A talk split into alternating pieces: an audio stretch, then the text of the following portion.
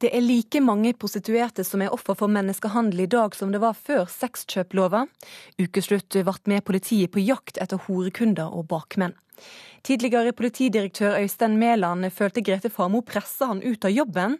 Nok ei ripe i lakken for Arbeiderpartiet, mener kommentator. Og om to dager skal finansministeren dele ut over 1000 milliarder kroner. Penger er ikke alt, mener Sigbjørn Johnsen. Du hører en podkast av NRK Ukeslutt. Jeg heter Sara Victoria Rygg, og vi skal bl.a. i denne sendinga diskutere Senterpartiet sin elefantpolitikk. Men vi starter sendinga med sexkjøplova. Ukeslutt har vært med Trondheims politi på spaning. Hello, uh, are you in uh, Trondheim?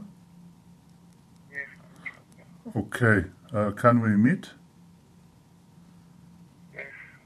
Okay, how much? Her hørte du politiet i Trondheim ringe og avtale et møte med kvinner som selger sex. Målet er å ta horekundene og bakmennene, og om litt så får du bli med politiet ut på spaning. Men vi starter med nyheter vi hørte om i Dagsnytt, nemlig at det er like mange prostituerte som er offer for menneskehandel i dag, som det var før sexkjøp, eh, sexkjøpslova kom. Politikerne var svært uenige om de skulle si ja eller nei til lova. Men til slutt så ble det flertall for å innføre den, og fra 2009 så har det altså vært ulovlig å kjøpe sex. Anette du er forsker ved Fafo. Hva vet vi om effekter av sexkjøpslova? Per i dag så har vi veldig lite dokumentert kunnskap om hva som har vært eh, effektene av loven. Eh, Justisdepartementet har varslet at de vil ha en evaluering, og det har jo ligget i kortene faktisk helt fra den ble innført. Eh, noe som er veldig bra, eh, fordi man var jo klar over at dette var en eh, At det, det kunne ha ganske store effekter på prostitusjonsmarkedet, også utover det man, det man, det man ønsket at det skulle ha. Mm. Men, men målet var å stanse de som kjøper sex, og forhåpentligvis kanskje òg ta bakmennene. Hvordan har det fungert? Igjen så er det veldig vanskelig å si akkurat hvordan sexkjøpsloven som verktøy har fungert i forhold til det. Og det er ikke minst fordi det også har selvsagt vært mange andre ting som har skjedd på, på sexmarkedet i løpet av denne samme tiden. Så det å isolere, isolere sexkjøpsloven sånn i seg selv, det, det, det er veldig vanskelig. Mm. Men det er klart vi ser jo at vi altså det, det, vi kan se med bare ren observasjon, er jo at vi fremdeles har prostitusjon, og vi har fremdeles menneskehandel. Mm. Ja, for det er tall fra Politidirektoratet som syner at det er like mange prostituerte som er offer for menneskehandel nå som for tre år siden. Det er vanskelig for deg å, å, å evaluere sexkjøpslover, men, men hva sier det deg? Ja, det blir, det blir, på en måte det jeg sa. Det viser jo at vi fremdeles har menneskehandel. Det er igjen, det blir vanskelig å lese noe absolutt ut av disse tallene, fordi altså, tall på antall ofre menneskehandel kan også reflektere innsats. Sånn at det betyr i prinsippet at det kan ha vært større mørketall tidligere, og at man nå eh, på en måte fanger opp en, en større andel. Men det kan også være motsatt. Men, eh, men som sagt, altså det, vi, det, vi, i hvert fall ser, er at, at, vi har jo fremdeles et prostitusjonsmarked. Vi har fremdeles menneskehandel, og det, det må vi jo forholde oss til. Mm. Det er utfordrende for politiet å, å håndheve sexkjøpslova. I Trondheim så utgir politiet seg for å være sexkunder for å ta bakmennene. Reporter Ida Tune Øresland hun dro ut på horekundejakt sammen med politiet. Og fordi politimennene jobber som spanere, så er det viktig at de ikke blir gjenkjent. Derfor så har vi fordreid stemmene deres. Her er det rett på sak, som vi ser. Her er det eh, bilder av eh, nakne eh, kvinner. Og også uh, utildekte kjønnsorgan. Hver morgen sjekker de to politimennene eskortesider på nettet for å få oversikt over sexmarkedet i Trondheim. De jobber i gruppa Pimpit, og det er de som skal ta hallikene og forhindre menneskehandel. Vi kan gå inn på en konkret annonse på en konkret prostituert, prostituert, tilfeldig. F.eks. den ønsker å være i Trondheim, i hvert fall i første omgang, uh, i to dager her. Rumper og pupper i utfordrende posisjoner lyser fra dataskjermen. Under bildene står det når damene er i de forskjellige byene. To dager i Trondheim og to i Bergen før det bærer videre til Stavanger. Disse damene er på en årelang sexturné. Vi har ikke ringt her før òg, ja? Det har ikke skjedd før. Nei, stakkars. Se på det ansiktet her. Ser ung ut. Ja, jeg ser ung ut altså. Ja. Politimennene ringer de prostituerte, utgir seg for å være sexkunder og avtaler et møte. Yes, hello. Uh, are you in uh, Trondheim? Okay, uh, can we meet? Okay, how much? På den måten får de vite hvor de holder til, og den informasjonen kan de bruke videre. Fordi de jobber som spanere, er det viktig at de ikke blir kjent igjen. Derfor har vi fordreid stemmene deres. Det som skjer, er at vi skal kjøre en eh, ganske tradisjonell, eller vanlig for oss, da, oppsøkende oppimot opp imot eh, to russiske jenter som vi vet jobber fra et hotell i byen her. Formålet med det er å først og fremst å finne ut om de har det bra. Og dernest så vil vi jo undersøke om, er det, om det er noe bakmenn. Den ene politimannen setter seg i lobbyen som en hvilken som helst hotellgjest. Det er kun blikket som kan avsløre at han er en politimann. Det er festet på heisen mens han prater. Vi eh, sitter ca. 30 meter unna to heiser. Når det kommer litt famlende uh, menn inn uh, gjennom døren her, og de går inn i heisen, og den går opp til aktuell etasje, så ringer jeg til makkeren min som har en gunstig posisjon i forhold til eh, de her to jentene. Og han eh, følger med hva som skjer. På bordet foran politimannen har han lagt fra seg en rød perm med sexannonser. Øverst ligger annonsen til den ene jenta som er på det rommet vi spaner på. I dette tilfellet så er det jo ei som beskriver seg som 23 år, og hun kommer fra Estland. Eh, og så står det litt om hennes priser, at hun tar 2000 kroner for en time og 1500 for 30 minutter. Plutselig tar han opp telefonen og ringer til kollegaen, som sitter i hotellrommet ved siden av de prostituerte. Ja. Nei, og du er der, ja. ja. Men jeg tror at vi, eh, vi er der nå, så. Men jeg tror det er, er noen innpå der nå, da. Og bak deg nå, det som ikke du fikk med deg. Eh, heisen gikk opp i aktuell etasje, eh, og jeg varsla makkeren min. Men eh, nå tror vi at det er folk der, da. Vi tar heisen opp til makkeren hans, som følger med på trafikken hos de prostituerte gjennom kikkehullet i døra. Det er andre dør til venstre. For det du ser gjennom kikkehullet her nå, det er det aktuelle rommet. Skal vi se, nå skjer det noe borti her. Det vi kunne se nå, det var at en jenta som vi kunne se gikk ut av rommet noe tidligere her, kom tilbake til rommet nå med to kopper kaffe. Spørsmålet hvor lenge vi skal vente. Ja. Politimennene tror de kan ha tatt feil. Det er antageligvis ingen kunder inne på rommet nå. De bestemmer seg for å banke på. Det vi ser for oss, det er at vi rett og slett kakker på døra. Eh, og så ber vi om å få prate med dem.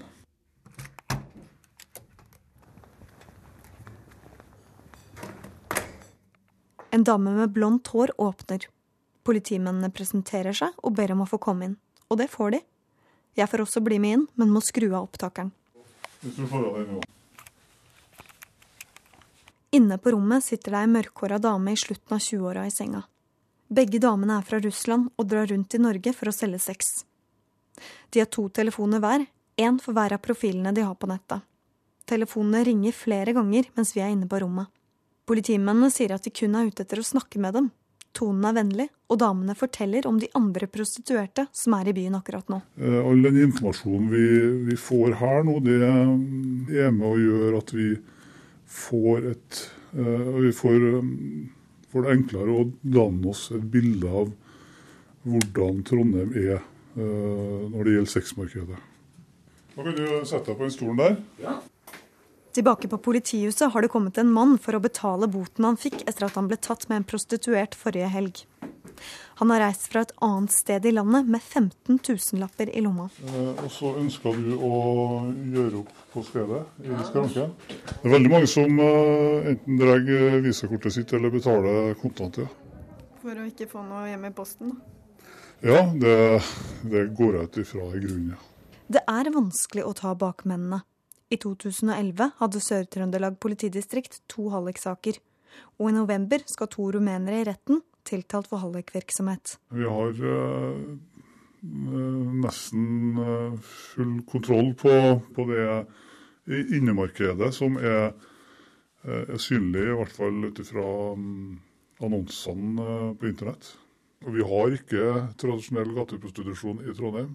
Og vi frykter jo det at hvis ikke vi har hatt den muligheten her til å jobbe aktivt i Trondheim by, så, så frykter vi det at vi har kommet til å ha gateprostitusjon. Ved å drive uroarbeid sånn som dere gjør, er det en fare for at prostitusjonen blir enda vanskeligere å finne? At det går enda mer under jorda? Hvor langt under jorda kan det her gå? Finner folk det, så finner vi det. Det var reporter Ida Tune Øretsland som altså hadde vært med politiet ut på spaning i Trondheim. Forsker ved Fafo, Anette Brunovskis. Politiet i Trondheim sier her at det er en vanskelig jobb det de gjør, men de har trua på at det, det fungerer. Hva tror du? Jeg tror at det er viktig at politiet er til stede på prostitusjonsarenaen. Eh, vel å merke på en sånn måte at man skaper tillit. Og at eh, kvinner, for det er jo først og fremst det vi snakker om, kvinner i prostitusjon føler at de kan gå til politiet hvis de er i en situasjon som, som krever det. Mm. Marit Nybakke, stortingsrepresentant for Arbeiderpartiet. Du var ei av kvinnene som kjempa hardt for at sexkjøplova skulle bli, eh, bli, innført i Norge. Brunovskij sier at det er vanskelig å se etter tre år hvordan denne her lova har fungert. Hva tenker du om det?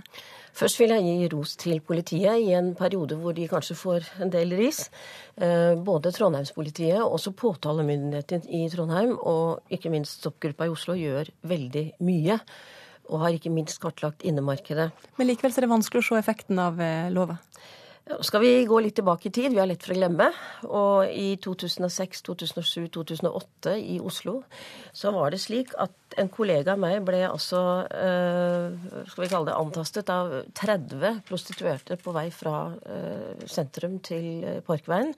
Det var gutter fra videregående skoler som reiste ned til sentrum og debuterte med, med prostituerte. Og man kan jo tenke seg hvordan, hva slags holdning de får til kvinnelig seksualitet. Ehm, det er internasjonal mafia vi snakker om her, og de eh, sprøyter altså stakkars eh, jenter utover det, det tradisjonelle Vest-Europa. Og de går etter der hvor kjøpekraften er, og derfor så ble også Norge invadert av, eh, av prostituerte med, med, bakmenn i denne perioden. Um, uansett hva man sier, så har dette gått ned. Uh, til dels kraftig ned, og politiet har gjort en veldig god jobb. Men, men tall fra Politidirektoratet syner jo at det er like mange prostituerte som er offer for menneskehandel nå som, som, for tre år siden. Men antallet prostituerte er nok ikke det samme. Uh, det går i bølger, for all del. Og jeg har også lyst til å si en ting til, og det er at at uh, en lov den må jo virke ganske lenge for at vi skal se hvordan effekten har vært. Det er også slik at Vi har lover både mot salg av narkotika og mot voldtekt. og Det betyr ikke at vi ikke har voldtekter eller narkotikasalg. Eh, loven er også ment å være normativ, altså eh, skape holdninger hos menn om at man ikke skal krenke kvinner ved å kjøpe sex av dem. Og øh, jeg tror også det er viktig både med holdningskampanjer Eh, men ikke minst det å sikre at kvinner får, får, eh, hjelp til å komme ut. Og her snakker vi jo om, om utenlandske kvinner. Jeg husker fra 2008 Eh, noen utenlandske prostituerte som hadde hoppet av til Krisesentersekretariatet.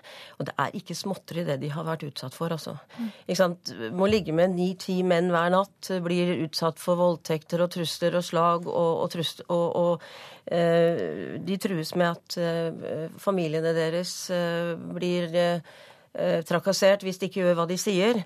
Og når de er eh, brukt som prostituerte noen år, så brukes de til organdonasjon. Så det er ganske tøft, dette her vi snakker om. Men, men hvordan tenker du at sexkjøpslova har hjulpet akkurat de kvinnene? Jeg mener at eh, det er viktig å få til denne typen lovgivning i flere land. Slik at denne internasjonale mafiaen, som i dag har prostitusjon som en av tre viktige inntektskilder, at de kanskje ser at det ikke skal være så lukrativt. Noe av det mest positive som skjedde, var da det var fotball-VM i Tyskland. Da eh, var det meningen å sette opp konteinerlandsbyer med prostituerte fra Øst-Europa. Det ble stoppet av damene i Europaparlamentet, som tok kontakt med samtlige justisministre i Europa. Det var også slik da vi eh, hadde fotball-VM i Sør-Afrika, at eh, det ble sendt inn en del prostituerte, men det viste seg at det var ikke marked for det akkurat der og da. Eh, og det er altså markedet som skaper eh, prostitusjon, og det er derfor vi må fokusere på markedet. Men vi må også, og jeg er veldig enig med, med, med forskerne fra Fafo, at den måten politiet jobber på, må også være slik at at jentene får tillit til dem. Fordi jentene er ofre her i veldig stor grad, og det gjelder særlig de jentene som er ofre for internasjonal menneskehandel. Jeg tror eh, det er, det er, en del ting å ta, ta, tak i. Jeg er veldig enig i at det er, det er, veldig veldig viktig å ha et fokus på menneskehandel og jobbe mot det. Fordi, eh, fordi det, det, kan være helt forferdelige situasjoner som mennesker befinner seg i. Men jeg tror det er litt viktig at vi ikke, ikke nødvendigvis bare tenker de mest ekstreme eksemplene uh, for, uh, på, på menneskehandel når vi legger opp en prostitusjonspolitikk. Og, og, og, når det gjelder dette med nivået på prostitusjonen, så, så, har jo den til tider i løpet av denne perioden etter at loven ble innført, vært tilbake på 2008-nivå. Sånn at det er ikke sånn at vi kan se et veldig klart før og etter. Og det, det tror jeg er litt viktig å ha ha litt klart for seg. fordi det som, Selv om det er vanskelig å på en måte evaluere på stående fot, så, så ser vi jo at antallet, særlig i gateprostitusjon, kommer veldig an på i hvor stor grad politiet er til stede. Og da, da kommer, det jo også an på veldig, det veldig an på hvilken måte de er til stede på. Om det er en måte som inngir tillit, som gjør at ikke bare man tør å, å anmelde menneskehandel og bryte ut av en sånn situasjon til politiet, men også andre voldsepisoder, at man faktisk tør å gå til politiet med det. Marit Nybakk, eh, et av målene med denne her lova var jo at kvinnene skulle bli hjulpet ut av prostitusjon og få utdanning. Hvordan har det gått? Uh, mye dårligere enn det som jeg mener vi skal gjøre. Uh, vi var noen jenter i Stortinget som jobbet intenst høsten 2008, og, eller 2009 var det vel, og greide å få ut 10 millioner til tiltak mot prostitusjon. Vi har behov for mye mer. De 10 millionene har vært gjentatt hvert år. De som gjør den viktigste jobben her når det gjelder utenlandske prostituerte, er jo Krisesentersekretariatet og delvis Nadheimsenteret til Kirkens Bymisjon.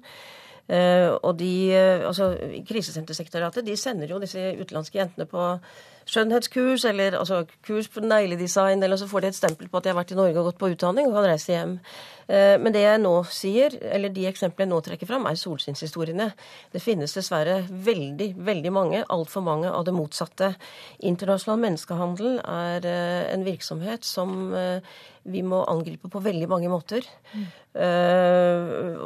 Internasjonalt, uh, også i hvert enkelt land hvor, hvor, markedet er slik. Men la meg legge til når det gjelder sexkjøploven, som også må ses sammen med bordellforbudet og hallikforbudet, at uh, den er jo ment å, å, å virke på sikt. Eh, å skape holdninger hos menn om at man ikke kjøper sex. Mm. Du sier at vi må vente. Vi kan ikke bare gi en lov av tre år før vi begynner å, å, å, si om den fungerer eller ikke. Mulig jeg er litt utålmodig, men, men, men når tenker du Det er jeg også. ja, når ser vi en markant nedgang i tallet på trafficking-offer? Vi har hatt eh, Altså, det går i bølger. Altså, Antallet prostituerte det kan man jo bare gå seg på. På gatenivå er jo betydelig færre enn det var. Innemarkedet er jo det som politiet har eh, prioritert, og det hørte vi også fra Trondheim. Eh, og innemarkedet var det viktig å prioritere fordi at argumentene mot loven var jo bl.a. at den kunne gå under jorda, hvordan det måtte være. Mm. Og derfor har man jo vært veldig flinke til å spane nettopp innemarkedet. Men tallet har ikke endret seg. Når endrer det seg? Jeg tror det er viktig at, eh, at, politiet setter inn enda sterkere ressurser på utemarkedet, altså på gateprostitusjon. Mm. Uh, og, og, samtidig så må det jobbes også for å få en tilsvarende lov i flere land. Uh, Norge er et kjøpekraftig samfunn, og det er jo derfor de sender prostituerte hit.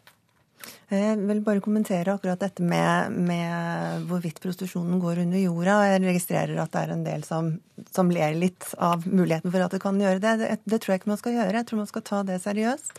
Vi kan f.eks. se en økning i mer uh, gråsoneannonsering. Og, og, en utvikling som vi absolutt skal se opp for, er hvis vi ender opp med mer lukkede nettverk. Men det er jeg helt enig i.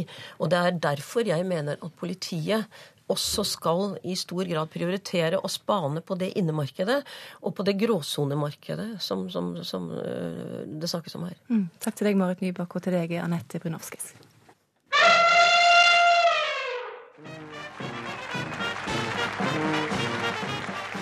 Og med den lyden så befinner vi oss midt i sirkusmanesjen, omringet av klovner og lukta av sagflis, popkorn og elefant. For denne veka gikk landbruksministeren mot Mattilsynet sitt råd om å forby elefanter på sirkus, og sa jo da, det skal vi fremdeles ha. Siri Martinsen, leder i NOA for dyrs rettigheter. Hva sa du da?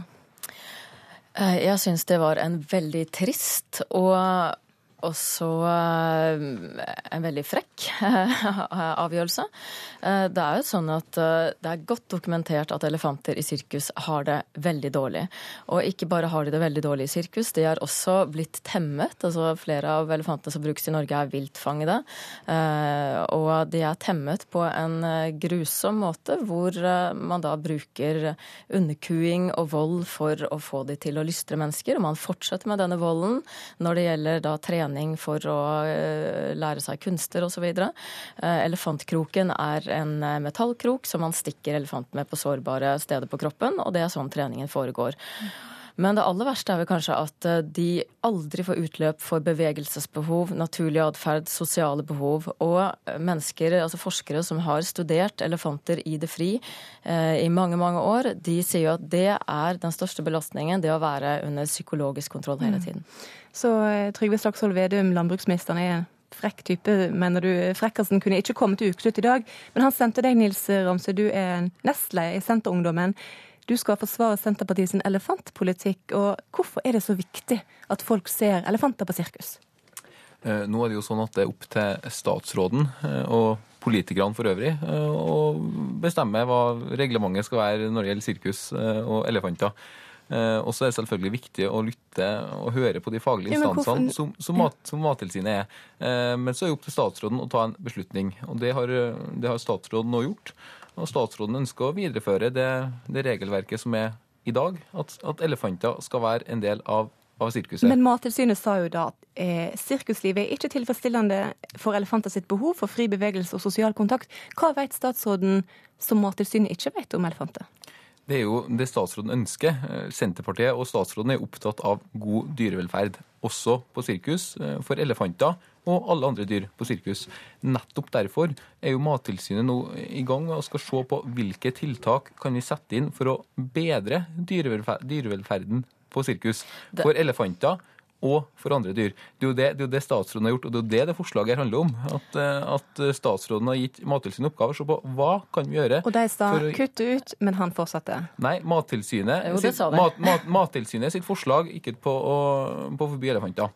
Eh, men det ønsker ikke Senterpartiet, og det ønsker ikke statsråden. Vi ønsker å finne gode mm. løsninger, og det innebærer at vi skal ha god dyrevelferd Men på god dyrevelferd, det kommer bakerst i rekka her. Fordi man har hatt en faglig utredning som har gått over ti år, hvor Mattilsynet, og ikke bare Mattilsynet, Vitenskapskomiteen, Veterinærinstituttet, Veterinærforeningen, Rådet for dyreetikk, alle dyrevelferdsorganisasjoner og ikke minst elefanteksperter med da eh, fagkompetanse på nettopp elefanters atferd atferd. Alle disse har støttet konklusjonen om å forby elefanter. Og det du kommer med nå, er rett og slett eh, politikerprat som får folk til å få politikerforakt. Fordi man sløser med faglige ressurser, man tar ikke faglige råd, og så sier man allikevel at man er opptatt av dyrevelferd. Dyrevelferd, det er ikke derfor man velger dette her. Det er fordi at man ønsker å legge mer vekt på ordet til to sirkusdirektører enn på en samlet eh, faglig støtte for et elefantforbud. Og jeg vil jo også legge til her at Stortinget var jo også enige om at uh, velferden for elefanter i sirkus er den mest problematiske. Det var de enige om i 2003, alle partiene, også Senterpartiet. Da ble man enige om at man skulle begrense antall arter som vises frem i sirkus. Og hvis man ikke skal begrense antall arter med å i hvert fall ta ut den mest problematiske, da har det vedtaket ingen mening. Det er ca. fem elefanter i Norge. Hvorfor er det så viktig for Senterpartiet at de er på jobb og gjør kunster i sirkus? For det første, jeg tror folk er opptatt av at det er politikerne som tar beslutninger, og ikke Mattilsynet. Folk er opptatt av demokrati, og dette er udemokratisk, fordi et samlet storting var faktisk enig i at eh, elefantene var problematiske, og opinionen er også enig i dette, og faginstansene er enig. Det er kun Senterpartiet som ikke er enig i dette, og det er udemokratisk at de skal få styre dyrevelferdspolitikken i Norge. Demokrati er jo at det er de folkevalgte politikerne som bestemmer. Og det er også sånn i denne situasjonen. Og folk betaler for å Folk drar på sirkus for å se elefanter opptre. Og så er, det sånn at Sverige og Danmark, eh, som også blant flere land ja, som tillater eh, elefanter på sirkus, de har nylig hatt en gjennomgang av regelverket og sett på og satt inn tiltak for å bedre velferden for elefanter i sirkus. Og det er jo det, det, er jo det Senterpartiet ønsker òg. Å se på hva kan vi gjøre for å bedre bedre velferden til elefanter i sirkus og, og andre dyr. Og det har et samlet fagmiljø fortalt dere. Elefantene må ut. Og her bløffer Senterpartiet igjen. For i Sverige så holder man nå på med en gjennomgang av en ny dyrevelferdslov. Det dere henviser til, er gammelt regelverk hvor man tillot elefanter. I den nye dyrevelferdsloven så er det forbud mot elefanter og andre dyr. Men det er tillatt med elefanter i sirkus i, I Sverige i dag. I den nye dyrevelferdsloven, som blir vedtatt om to år, ja, da forholder dere dere til gammelt regelverk. Og vi kommer, å, vi kommer, til å, være i bakevja, og Sverige kommer til å være foran på dyrevelferd og forby elefanter. Siri Martinsen, elefantene opptrer og gjør fjongetriks på, på, på sirkus. Er vi da helt sikre på at de har det så forferdelig? Jeg må jo faktisk stole på både elefanteksperter, en samlet veterinærfaglig, et veterinærfaglig miljø, eh, og ikke minst det man kan se selv. Man ser stereotyp atferd, man ser mangel på normal atferd. Man ser at eh, dyrene har skader. Man ser at disse dyrene har det ikke godt. Og har man litt kunnskap om elefanters normale atferd, så ser man virkelig at uh, her er det bare én riktig ting å gjøre, og det er å få dem ut av sirkus og uh, inn i sanctuaries, uh, hvor de kan leve normalt liv, sånn som de har gjort i elefantenes hjemland India. Nils Samsøy, nå forsvinner vel hele poenget med å gå på sirkus, når en vet at det er ikke noe hyggelig for elefantene å være der? Eh, for, nå er jo sånn i dag at, eh, at sirkus er en stor del av eh, Elefantene er en stor del av sirkuset. og Folk, eh, folk drar på, på, sirkus for å, se på, for å se på elefanter. Og så må jeg få korrigere her. I dag, I dag så er jo tillatt i bl.a. Sverige og Danmark med elefanter i sirkus. Det er ingen korreksjon at de har en ny dyrevelferdslov på trappene som blir vedtatt om to år, hvor Debatten det er elefantforbud inne. Utover studio. Jeg må sette strek. Takk til deg, Nils Ramsøy og Siri Martinsen. Du hører en podkast av NRK Ukeslutt. Hold fram med det å høre at tidligere politidirektør Øystein Mæland følte seg pressa til å gå. Situasjonen var brutal, sier han til VG. Og værdamene på TV 2 er altfor pene, konkluderte en seer, og meldte saka inn for Diskrimineringsombudet. Alle liker pene jenter, sier missegeneral. General. Om to dager skal finansminister Sigbjørn Johnsen dele ut over 1000 milliarder kroner. Han har for lengst varsla at han kommer til å legge fram et krisetilpassa budsjett pga. situasjonen i Europa, men i husholdningsbudsjettet bør det være rom for kos, mener ministeren. Ukeslutt sin reporter Elisabeth Onsum fikk audiens hos Sigbjørn. Det er jo en fare for at en kan få et litt eh, si, rart forhold til milliarder. Så noen ganger så er det viktig å minne seg sjøl om hvor mye en milliard er. Hei, hei. En fin korridor, er det ikke det? Vi er inne i det som må være landets mektigste korridorer. Vi kan nesten drive innendørs sprinttrening her. Ja. Om et par dager skal finansminister Sigbjørn Johnsen fordele over 1000 milliarder kroner. Men vi får gå innover i, vi får gå innover i lokalet. Ikke si at det er et ungdomsbilde, men jeg var litt yngre i antall år, så det bildet der er fra 19, 1990, tenker jeg. Vi kan eh, høre litt nå fra Sigbjørn Johnsens finanstale. Det budsjettopplegg for 1991 som regjeringen i dag presenterer, gir en betydelig stimulans til økt etterspørsel, produksjon og sysselsetting. Litt, litt lysere i håret? Ja, jeg har blitt litt mer blond. Jeg er enig i det. Landets lengstsittende finansminister har vært med på både økonomiske oppturer og nedturer her i landet. Så jeg har opplevd begge deler. Men i dag er Norge i en veldig god posisjon, og det skyldes eh, mange ting. og jeg tror Noe av det aller viktigste er at vi eh, på en måte har som en viktig rettesnor for politikken aldri å slippe arbeidsløsheten løs hvis vi kan motvirke det. Hvis du og jeg hadde gått og tatt ut statsbudsjettet i kontanter i minibanken, hvor i tusenlapper, da, hvor mye av dette rommet hadde vi klart å fylle da, tror du?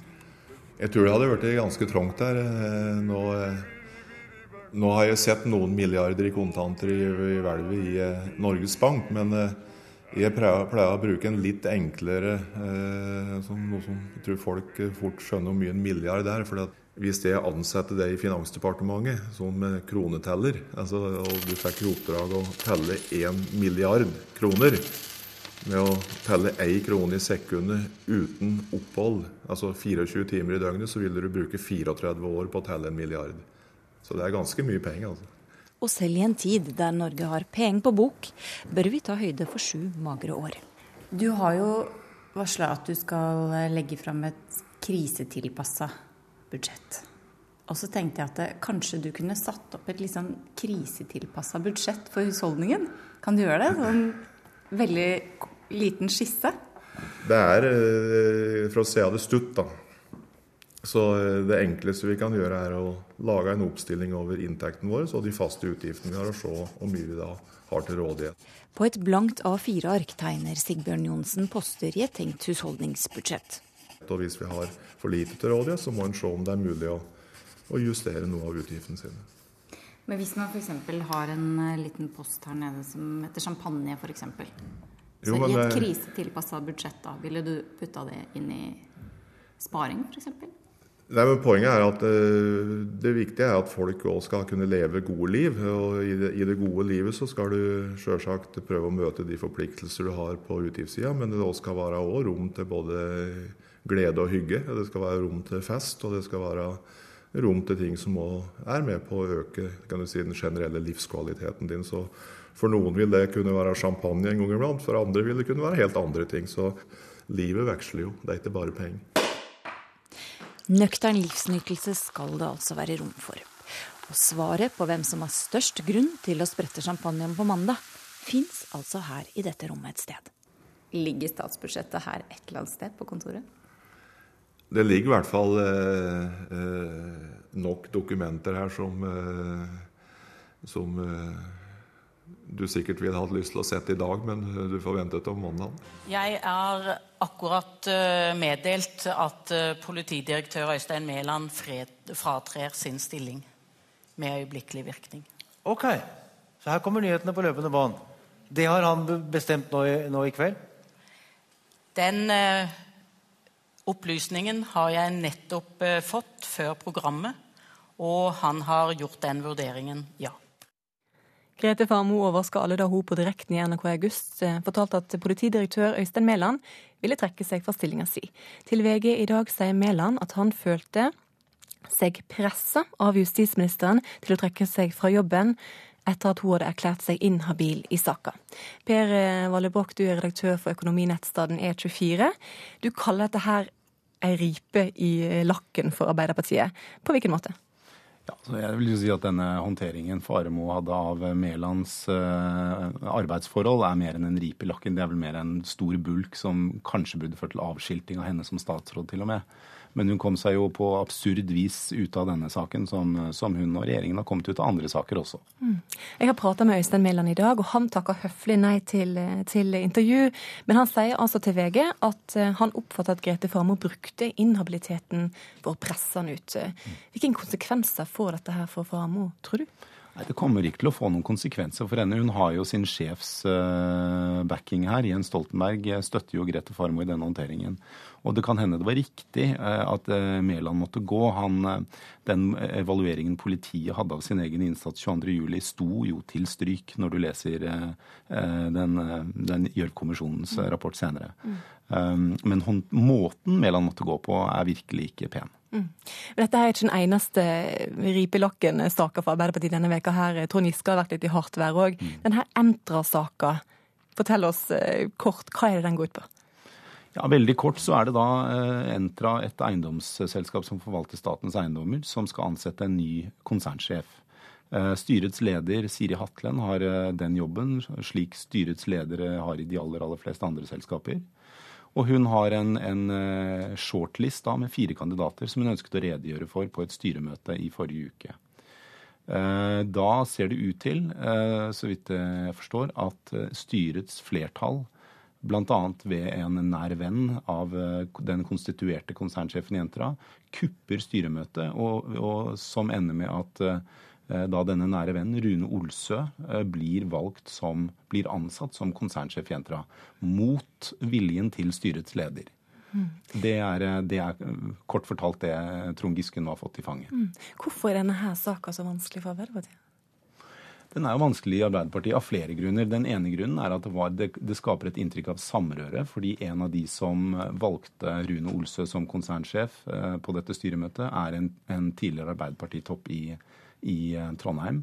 Rune Olsø er selv en tidligere sentral Arbeiderpartipolitiker i Trondheim og en eh, svært god venn eh, av Trond Giske. Altså, hans, altså generalforsamlingen i Entra Eiendom. Så det skaper et bilde av samrøre.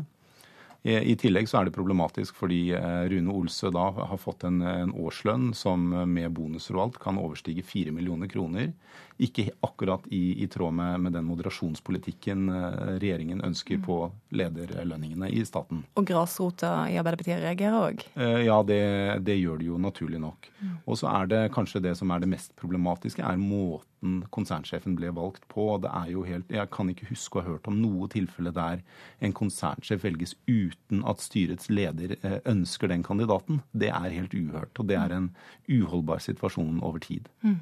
Du snakker om riper i Arbeiderpartilakken, du snakker om bulk og du snakker om avskilting. Hvor mange sånne typer saker tåler Arbeiderpartiet før, før det går ekstra gale? Ja, Det svaret får vi jo til neste høst. Da Da er det jo velgernes dom som, som gjelder. Men mye tyder jo på at eh, Arbeiderpartiet skal eh, jobbe hardt, og kanskje også ha litt flaks for å, for å vinne valget. Takk til deg, Per Valebakk. Og da er det på tide å prate litt om været, eller i alle fall pene værdamer. Jeg bryr meg bare om hvordan været blir. Ser jo at de har plukket ut pene mennesker på TV 2. Eh, og at de har mer troverdighet i NRK. Så gutta har mer troverdighet? Nei, det har vel litt med imagen, tror jeg. Eh, jeg tror ikke det har noe med om de er gutt eller damer å gjøre. Jeg syns de er jammen meget pene alle sammen. Men jeg syns TV 2 har de fineste. Men eh, det gjør ikke noe om det er kvinner eller menn, f.eks.? Eller ja, det er kanskje bedre med bukse enn veldig kort skjørt og sånne ting. Det handler jo om været, da, og ikke om personen. Mest interessert i været. Det mente seerne vi møtte på gata. Denne veka kunne vi lese i VG at TV 2 ikke har hatt værmenn siden 1996. Nå er Storm Geo klaga inn til Likestillings- og diskrimineringsombudet av en seer for bare tilsette kvinnelige værmeldere. Vi spurte redaktør for Været på TV 2, Kjell Øvre Helland, hvorfor de satser på damer.